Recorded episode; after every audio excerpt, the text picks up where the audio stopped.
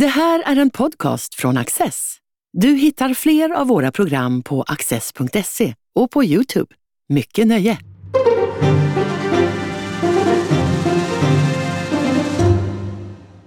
Välkomna till Studio Access. Min gäst idag heter Adrian Wooldridge. Han är författare, journalist, har varit verksam i Economist och skrivit där under lång tid. Arbetar nu för Bloomberg. Han har skrivit flera böcker tidigare som har fått mycket stor uppmärksamhet internationellt och nu är han aktuell med en ny bok som på svenska, där den just har kommit ut, heter Meritokrati, idén som förändrade världen. Adrian, it's great having you here. Thank you. Thank you for having me. Um, the title of your book in English is The Aristocracy of Talent. Uh, do our societies need an aristocracy? Well, the term aristocracy originally meant rule of the best. And of course, it came to mean the rule of uh, the landed elite. I think our society does need an elite. It doesn't need a, hereditary elite. It needs to make sure that the elite is uh, resuscitated or revived or revivified in each new generation. So it needs an aristocracy of talent, provided that means a constant process of, uh, of, social mobility to secure the rule of the best. And an aristocracy of talent is a meritocracy. Essentially. Yes. And um, how would you define a meritocracy? Well, the term meritocracy was invented by a British sociologist called Michael Young in 1958. He wrote a book called The Rise of the Meritocracy, coined the term. Um, and what he defined merit, he defined merit as meaning IQ plus effort. Um, and I would say merit and meritocracy means IQ plus effort plus equality of opportunity minus prejudice. So, a slightly more elaborate term, but essentially, a meritocracy is a society which judges people on the basis of their individual abilities and does its best to make sure that those individual abilities can be expressed or discovered, that promise can be realized through providing um, equality of opportunity and equality of educational opportunity in particular.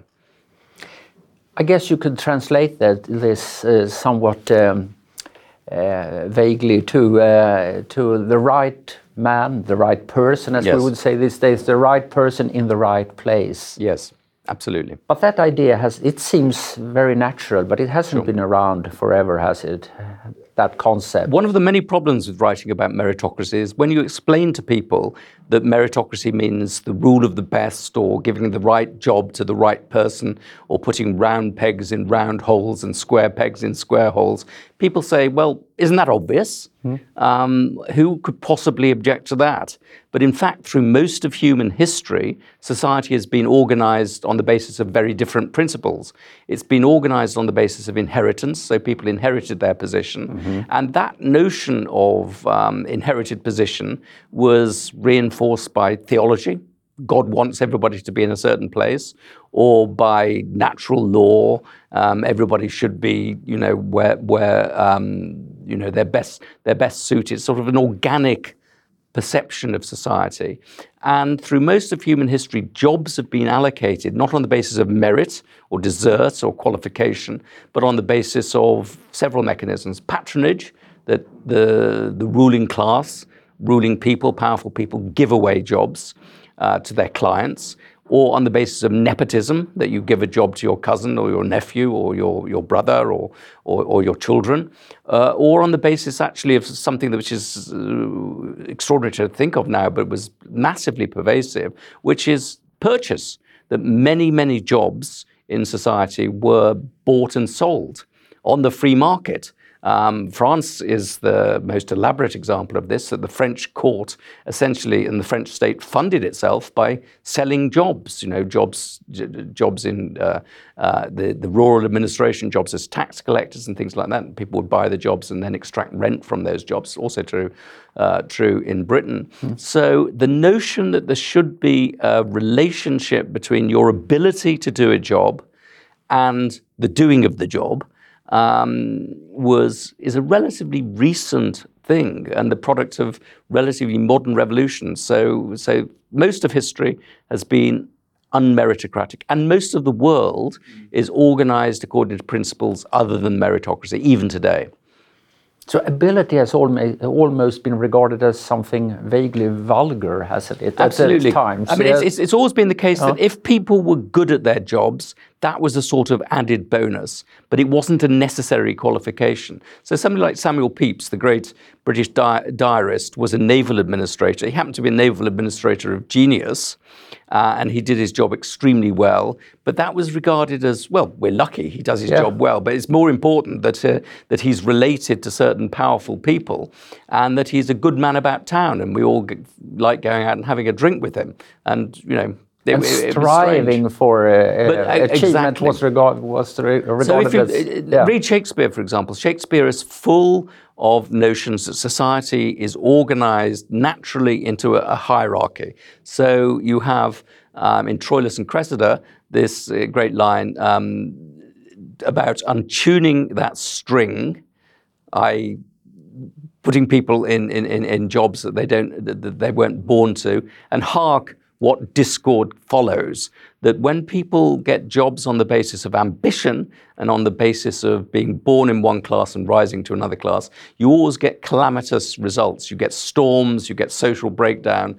That society is conceived by God as a hierarchy, and anybody who doesn't fit naturally into that hierarchy, who tries to get better jobs, who tries to promote themselves, is an agent of disruption.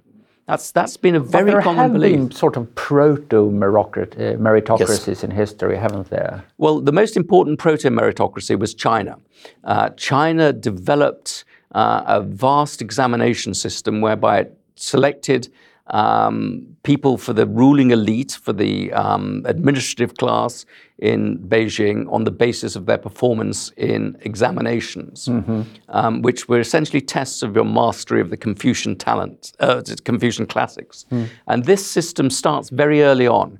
So in um, the year 800, when your and my ancestors were ruled by people with names like Eric Bloodaxe, who clearly got their jobs by something other than their performance in examinations. They had other talents. They had other talents. Yes. At that point, China, you know, had uh, an emperor who was served by a large court of people who'd been selected by examinations. And at some points in Chinese history, um, 10% of the population would be doing examinations of some some kind. And every, you know, you, you did an examination. If you passed, you went on and did another examination. If you passed, you went on and did another examination. If you were successful in all three, you would get a job in the imperial palace. It was a very elaborate, carefully structured system that lasted all the way up to the beginning of the 20th century, testing the same books, the same knowledge. So if you read uh, an examin- examination preparatory book that was published in 1500, you could still pass an exam in 1905 based on that, that body of body of knowledge. So it was it was an extremely rigorous, elaborate system, but it was also ossified Yes. and it ignored the scientific revolution, the engineering revolution, the revolution in chemistry, medicine, the rest of it. It was all focused on these Confucian texts, and the ideal was to choose somebody who is essentially a highly cultivated gentleman uh, for, for jobs. And of course, by 1905, it completely collapses. Um, and China goes through a very erratic period in, in, in the 1960s.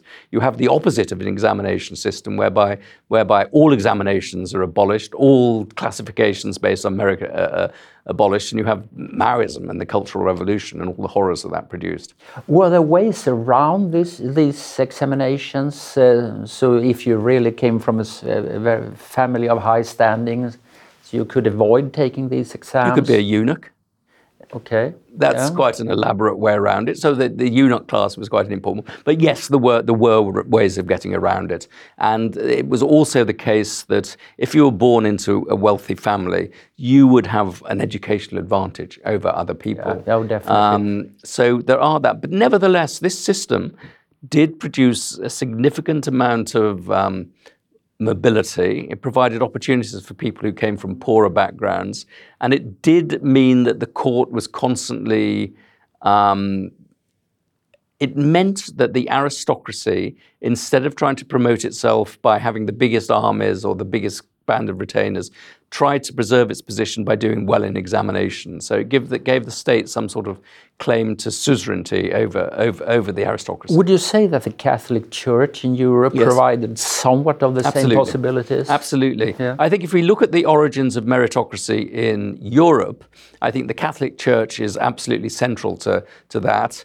Um, that you would select people on the basis essentially of their intellectual abilities, um, you know, um, for high office. It provided a lot of administrative people, or it provided, you know, people who could sing beautifully or people who could do beau- beautiful uh, calligraphy or whatever. So the Catholic Church is looking constantly um, for new recruits, uh, and it's quite often selecting them partly because of their spirituality, but partly because of their their their um, intellectual promise. You know, it's a scholarly class to some to some extent, and of course the the church is ideally a celibate group of people, so they have to be looking for people outside and recruiting people from outside because they don't naturally sort of But there were Repre- there, there was the, occasional there was the younger occasional son lapse. of the And then, nobility. yeah. the, then the, Yeah. Mm. of course, the term nepotism uh, came in with the with the popes, the Borgias in particular, and what they were doing essentially was providing jobs for their children,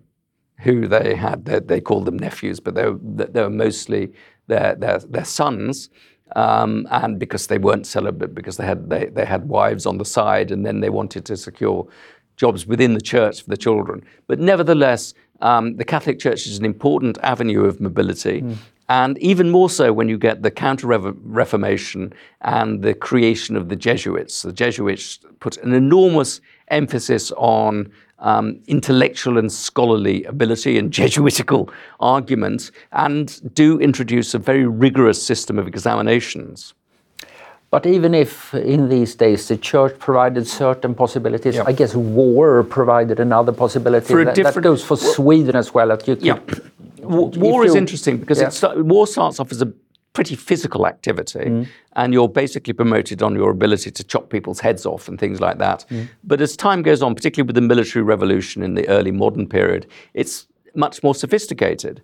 Mm. Um, it becomes a matter of intellectual calculation, of you know, siege warfare, of how far you can shoot your. I mean, it's, it's, it's engineering skills and, and skills in ballistics. So it does become an agent of upward mobility. And of course, the ultimate expression of that is Napoleon, who makes his career in the army. Uh, starts off as, as, a- as the little corporal and rises up the ranks, and of course becomes the ultimate self-made man. You mentioned France before as an Mm. example of a place where uh, um, commissions or jobs could be bought and sold and so on. But France is also early when it comes to a broader uh, acceptance of the idea of meritocracy, isn't it? Well, France is interesting in, in, in, in, two ways. One is that there is a lot of social mobility through the, through the church and to some extent through the, the state administrative apparatus. So if you look at the great advisors of the king, they quite often tended to people who came from be people who come from relatively humble backgrounds and are promoted upwards. But there's a big difference between meritocracy as the elite being able to take one or two people and give them jobs looking after yeah. the king's finances. And meritocracy is a general principle organizing society. And when the great breakthrough towards a meritocratic society comes, there are a number of changes, but one of the most important, of course, is the French Revolution, which is um, based on the abolition of special privileges, the abolition of feudal rights, and the creation of a, of, of a society based on the idea of the career open to talents. Uh, and that is the beginning of the end of the old world and the beginning of the creation of a new world based on, as Tocqueville says, you know, a world based on not, not on privilege and prerogative, but on the contents of your mind is the phrase that Tocqueville says. We're on, we move from a society based on land ownership to a society based on mental agility. And the breakthrough happens in several countries Absolutely. in the 19th century, Yes. in, in, in uh, Yeah. Britain, Well, earlier than that, in, in the 18th century, the, fir- the first in many ways is the United States, and the American Revolution is sort of formally dedicated to the idea of equality um, and liberty. But what the Americans are really getting at when they're talking about that is the replacement of what they regard as a decadent aristocracy um, based on land um, with what they regard as a natural aristocracy based on virtue and talent. So if you look at Jefferson or Hamilton or John Adams, what they're really saying when they're saying let's get rid of the British Empire and let's create a new world is let's create a world of real aristocrats rather than false aristocrats. So a world in which you have equality of opportunity, but opportunity um, to express your natural talents and your natural virtues. And they think that that doesn't lead to an equal society, it leads to a society of true aristocrats, not false aristocrats. Mm. There is a breakthrough on, mm-hmm. uh, in a vast number of countries, yes. particularly yes. in the West. Yes. And uh, there is a kind of a golden age of yes. meritocracy, isn't there? Because I get the impression that uh, this book, if meritocracy mm-hmm. had had its ba- breakthrough and become self-evident, yeah. uh, then this book wouldn't have been written. Absolutely. So no, so it's there because yeah. you see that it has changed yes. and maybe uh, degenerated a bit. Yes, absolutely. Uh, on the one hand, and on the other mm-hmm. hand, come under severe criticism yes, from a absolutely. number of sources. Absolutely. Can you elaborate absolutely. on this? Yeah? Well, I think to some extent, meritocracy is self-reinforcing. So meritocracy is a system which was in many ways designed by um, an elite um, who were challenging the landed elite, and they said, let's organize, organize society based on open competition and the ability to express your talents. And that becomes self reinforcing because, um, first of all, you have men who um, do well under this system. And then women come along and say, mm. well, wait a minute, if you've got open competition judged uh, by, let's say, examinations, why can't we as women also take part in this open competition? And that happens, then you've got working class people coming along saying, well, what about us? Why can't we take part in this meritocratic competition? Just provide us with schools mm. and we'll do just as well as you can. So it begins to expand naturally, and members of ethnic minorities. One of the people I talk about in my book is W. W. E. B. Du Bois, mm. who's a black intellectual, talks about the talented tenth of the black population, saying we've got all these incredibly talented people. They're not getting places um, as they should do in universities because you have all these restrictive practices. Open up competition to us, and we'll do just as well as you. And Du Bois, of course, gets a, a, you know a job at Harvard and then at various other American universities. One of the great founders of modern sociology. So meritocracy keeps rolling forward, um, keeps reinforcing itself by the basis of its own logic. But now it's sort of hit a problem um, or it's hit two problems. One problem is that um, there's a marriage between money and merit, that people who are born to privilege have learnt to transmit their privilege to their children not by owning land, but by owning intellectual capital and transmitting that intellectual capital to their children by providing their children with better education, better schooling, better preschool opportunities, violin lessons, and every every form mm, of mm. form of encouragement. At the same time as you've got this cognitive elite hoarding opportunities, you've had this rage for egalitarianism in the public school system, whereby lots of teachers, lots of educational bureaucrats say there is no distinction between people at all. They're all in, they, they should provide, be provided with the same um, education. Um, everybody is intellectually equal. Um, and as a result of that, you've had a lot of sort of elite schools within the public sector being abolished and being replaced by comprehensive schools. So the, the, the, cognitive elite reinforcing its position, ladders of opportunity within the state structure being deliberately dismantled on the, the basis of equality of result rather than the notion of equality of opportunity. And the result of all of that is social mobility has started to go down. Mm. Social mobility, uh, society has begun to ossify. So we had this golden age of meritocracy after the Second World War, in which you had ladders of opportunity, high levels of social mobility, lots of working class people getting ahead on the basis of their merits, children of children from working class, um, not educated families suddenly becoming professors and senior civil servants and, and, and the rest of it. A golden age destroyed by a combination of money and ideology. And now the great challenge is how do we revive the meritocratic idea and adapt it for a new age? To what extent would you say that this degeneration of meritocracy mm. is an Anglo-Saxon phenomenon? I would say that it's worse in the Anglo-Saxon world than anywhere else. So the Anglo Saxon world, by which I mean Britain and America, has gone from being a society which was admired by the rest of the world because it provides equality of opportunity in large, uh, many examples of people starting at the bottom and rising to great success, and has become increasingly identified with closure, with opportunity hoarding, with uh, with with um, sclerosis almost. Um, and so levels of social mobility in Britain and the United States are lower than they are in continental Europe. And the question is, what do we do about that?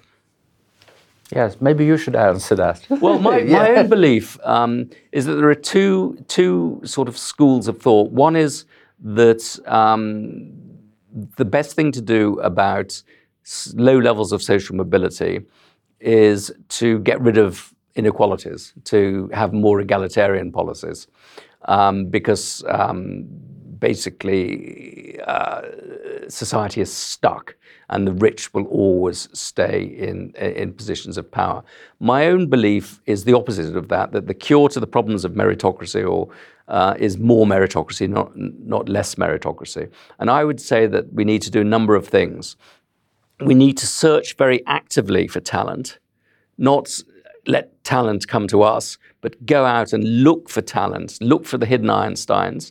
And I would say we need to make, use IQ tests or a range of battery of tests actively to look for people. Mm. We need to have gifted school programs uh, expanded. We need to have special academic schools that cater and provide opportunities for uh, academic opportunities for people who come from uh, um, less educationally privileged backgrounds. In other words, we need to reconstruct the ladders of opportunity and readapt them to a much steeper uh, society. But, but the, let me just finish one yeah, point, sure. and then you can come back. But we need to link that with something with, with with inheritance taxes, with wealth taxes. Make it make it harder for um, people who've made enormous amounts of money to, to keep that money and transmit them to coming generations. Because we are moving towards a world. America is probably at this moment seeing the first trillion dollar trust fund baby being born. There are families now that have got so much money, and money makes money, which makes money, that you're going to have an aristocratic class of people who inherit gigantic fortunes, not just Swedish style fortunes, as it were, but really, you know, you know, world changing mm, fortunes. Mm. And I think that's very, very dangerous for the health of um, uh, a democratic society. So build the ladders of opportunity and make sure that we don't create a new aristocracy of wealth that's completely out of touch with the rest of society. Sorry. Uh, no, no, no problem at all. Uh, you talk about the sort of uh, looking for talent yeah. and uh, IQ tests and uh, better state schools, uh, maybe mm. free education or easier access to education at the very least. Does meritocracy only concern cognitive skill and academic skill? a brilliant question. Um, and I think that uh, I focus a lot in this book on academic and cognitive skill um, for many reasons. Um, but one is that I think that in a modern knowledge based society, cognitive skills matter a lot. And that a lot of the big productivity improvements that we're seeing in the world are being created by high tech industries, high, you know, knowledge intensive uh, occupations. So if we want to keep technological progress going and improve the rate of technological progress, we need to put a lot of emphasis on looking for these hidden Einsteins and making sure that we have a supply of them. And you have to remember, you know, in, in things like AI, we're in competition with China and, and, and countries that, which are really very keen on, on looking for the, for, for the hidden Einstein. So we have to compete with that. But it's not the only thing. And I think it's very important not to um, uh, have a system of selection by elimination but to have a system of selection by differentiation. Make sure that you have a recognition that there are different forms of talent, and above all, don't forget about vocational talent, technical talent, um, the talent of people to um, you know, solve technical problems or to do the plumbing or to do the electricity or that sort of thing, which is incredibly important. But also don't forget about um, empathy. Mm. You know, we have a society in which we have too much emphasis on um, intellectual ability because the payoffs of very high levels of intellectual ability can be very high, but not enough emphasis on technical ability and on empathetic em- empathy, on people's ability to, to, to caring uh, things. You know, we're going to have an expansion of the caring professions, and all of the root of all of this, I think, in many ways, is egalitarianism. Egalitarianism says we only have one set of standards that we judge everybody by. I think it's very important to remember that there are individual differences in ability, individual differences in aptitude, and we have to recognize those differences and not say that they're something we should suppress, but something that we should actually rejoice in almost. There are lots of different talents. And one of the extraordinary things about um, a very rich, sophisticated modern society is that there are rewards, ample rewards for different sorts of talents. I think John Adams said that I specialize, the American president said, mm. I specialize in, in war and politics so that my children can specialize in mathematics or ceramics or painting so their children can specialize in. Yeah. So as society becomes richer and more sophisticated, there are more rewards for different sorts of talents. I even discovered that you could make a perfectly good living uh, these days on being the champion eater of hamburgers. If you can eat more hamburgers in an hour than anybody else, you can make a perfectly good good living. That's you know what happens in a modern and you know obviously pop stars and you know no, the internet is full of people making livings out of do tweeting. You can make a living out of tweeting. but no government programs for no, identifying the, the, the best hamburger eaters. No, there's no. not. It's not a government program. But, but, what I mean by that is that um, we we can as long as we celebrate the variety of talents, mm.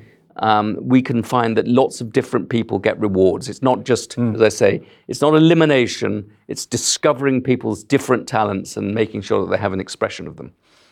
One reason for skepticism mm-hmm. uh, when it comes to um, uh, meritocracy has been that when people feel that they have nobody to thank for their successes but themselves, yes they become smug. They yes. they don't feel that they have any responsibilities yes. to society uh, at large. Um, and you can you can see some of that these days, can't you? Absolutely, yeah, absolutely. So, uh, what's to do about that? Sort and of the noblesse oblige idea yeah. of the elite well, that used to be. What, what Michael Young said in Michael Young's book, The Rise of the Meritocracy, was interesting in many respects. It's a brilliant book, but one of the most interesting things about it is it's very hostile to meritocracy. Mm. He's not celebrating meritocracy. He's saying meritocracy is a bad thing, and his essential argument is meritocracy makes successful people smug and um, unsuccessful people um, miserable. And it does so because it's allocating rewards on the basis of desert. The rich deserve to be rich, the poor deserve to be poor. Mm. Unlike the old days when the old aristocracy knew that they didn't really deserve to be at the top because they knew that they were a bit dumb or, mm. or, or, or, a bit uneducated, and the poor didn't deserve to be at the bottom. So it's an unrelenting system. Now, I think that um, we have had a touch of that, and we've had it in two forms. One form is that people who genuinely get to the top on the basis of their merits are smug. They think they owe nothing to anybody but themselves. But the other form is lots of people who've been born into privilege, but then go on to good universities, also think they deserve to be where they are. There's a phrase about George H.W. Bush that he was born at third base and thought that he'd hit a triple. Mm. And a lot of people like that, they think, well, um, I went to Yale, uh, therefore I deserve to be where they are. And in fact, the reason they went to Yale is that they were very privileged in their in, in their legacy parentage. admissions, legacy admissions, and the rest yes, of it. Yeah. So there's there's there's there's two forms of smugness there, and I think they're both very very bad. Partly because they revolt uh, a lot of people. If you look at the populists, one of the single most um, consistent things they're saying is that this elite is smug. Smug, smug, smug. They keep going on about smug, and I think that the two the two um, antidotes to that is one to show people that if they that they don't that they don't deserve everything on the basis purely of their own merits. Uh, they're lucky if they're born intelligent. They're lucky if they're born to parents who who emphasize their education. Um, they may deserve something because they worked hard, but it's a combination of, of, of hard work plus various forms of privilege, including genetic privilege, mm. that they ought to do. And the second thing is, I think that we ought to, in our schools, particularly our elite schools, um, spend more time inculcating a sense of responsibility into people. So it used to be the case that the schools, the public schools, the elite schools, were very preoccupied by um, saying that if you were born with privilege, you owe society a great deal in return. Uh, and Teddy Roosevelt was absolutely obsessed by that. If you were born to privilege as he was, you owed society to give your best. And we don't do that anymore because we're, we're so frightened of using thinking about privilege that we can't say that privilege um, brings with it responsibilities because we don't believe in privilege at all. But there are people who are lucky yep. in their genetics. There are people who are lucky in their parentage, and there are rich people, and they should be persuaded to give more back to society. Time flies, and it has been excellent talking to you. Just one final yep. uh, question, and that would be that this is sort of a call to meritocracy yes. to uh, reinvent itself, yes, uh, so to say. Mm. If we fail, what will happen then? Well, there are two great threats to meritocracy at the moment. One comes from the populist right, from the Trumpists and the rest of them who say this is a smug, useless elite that should be torn down and replaced by the wisdom of the people. So all this stuff about we've had enough of experts, we've had enough of these the, the, these smarmy, self-satisfied meritocrats, get rid of them.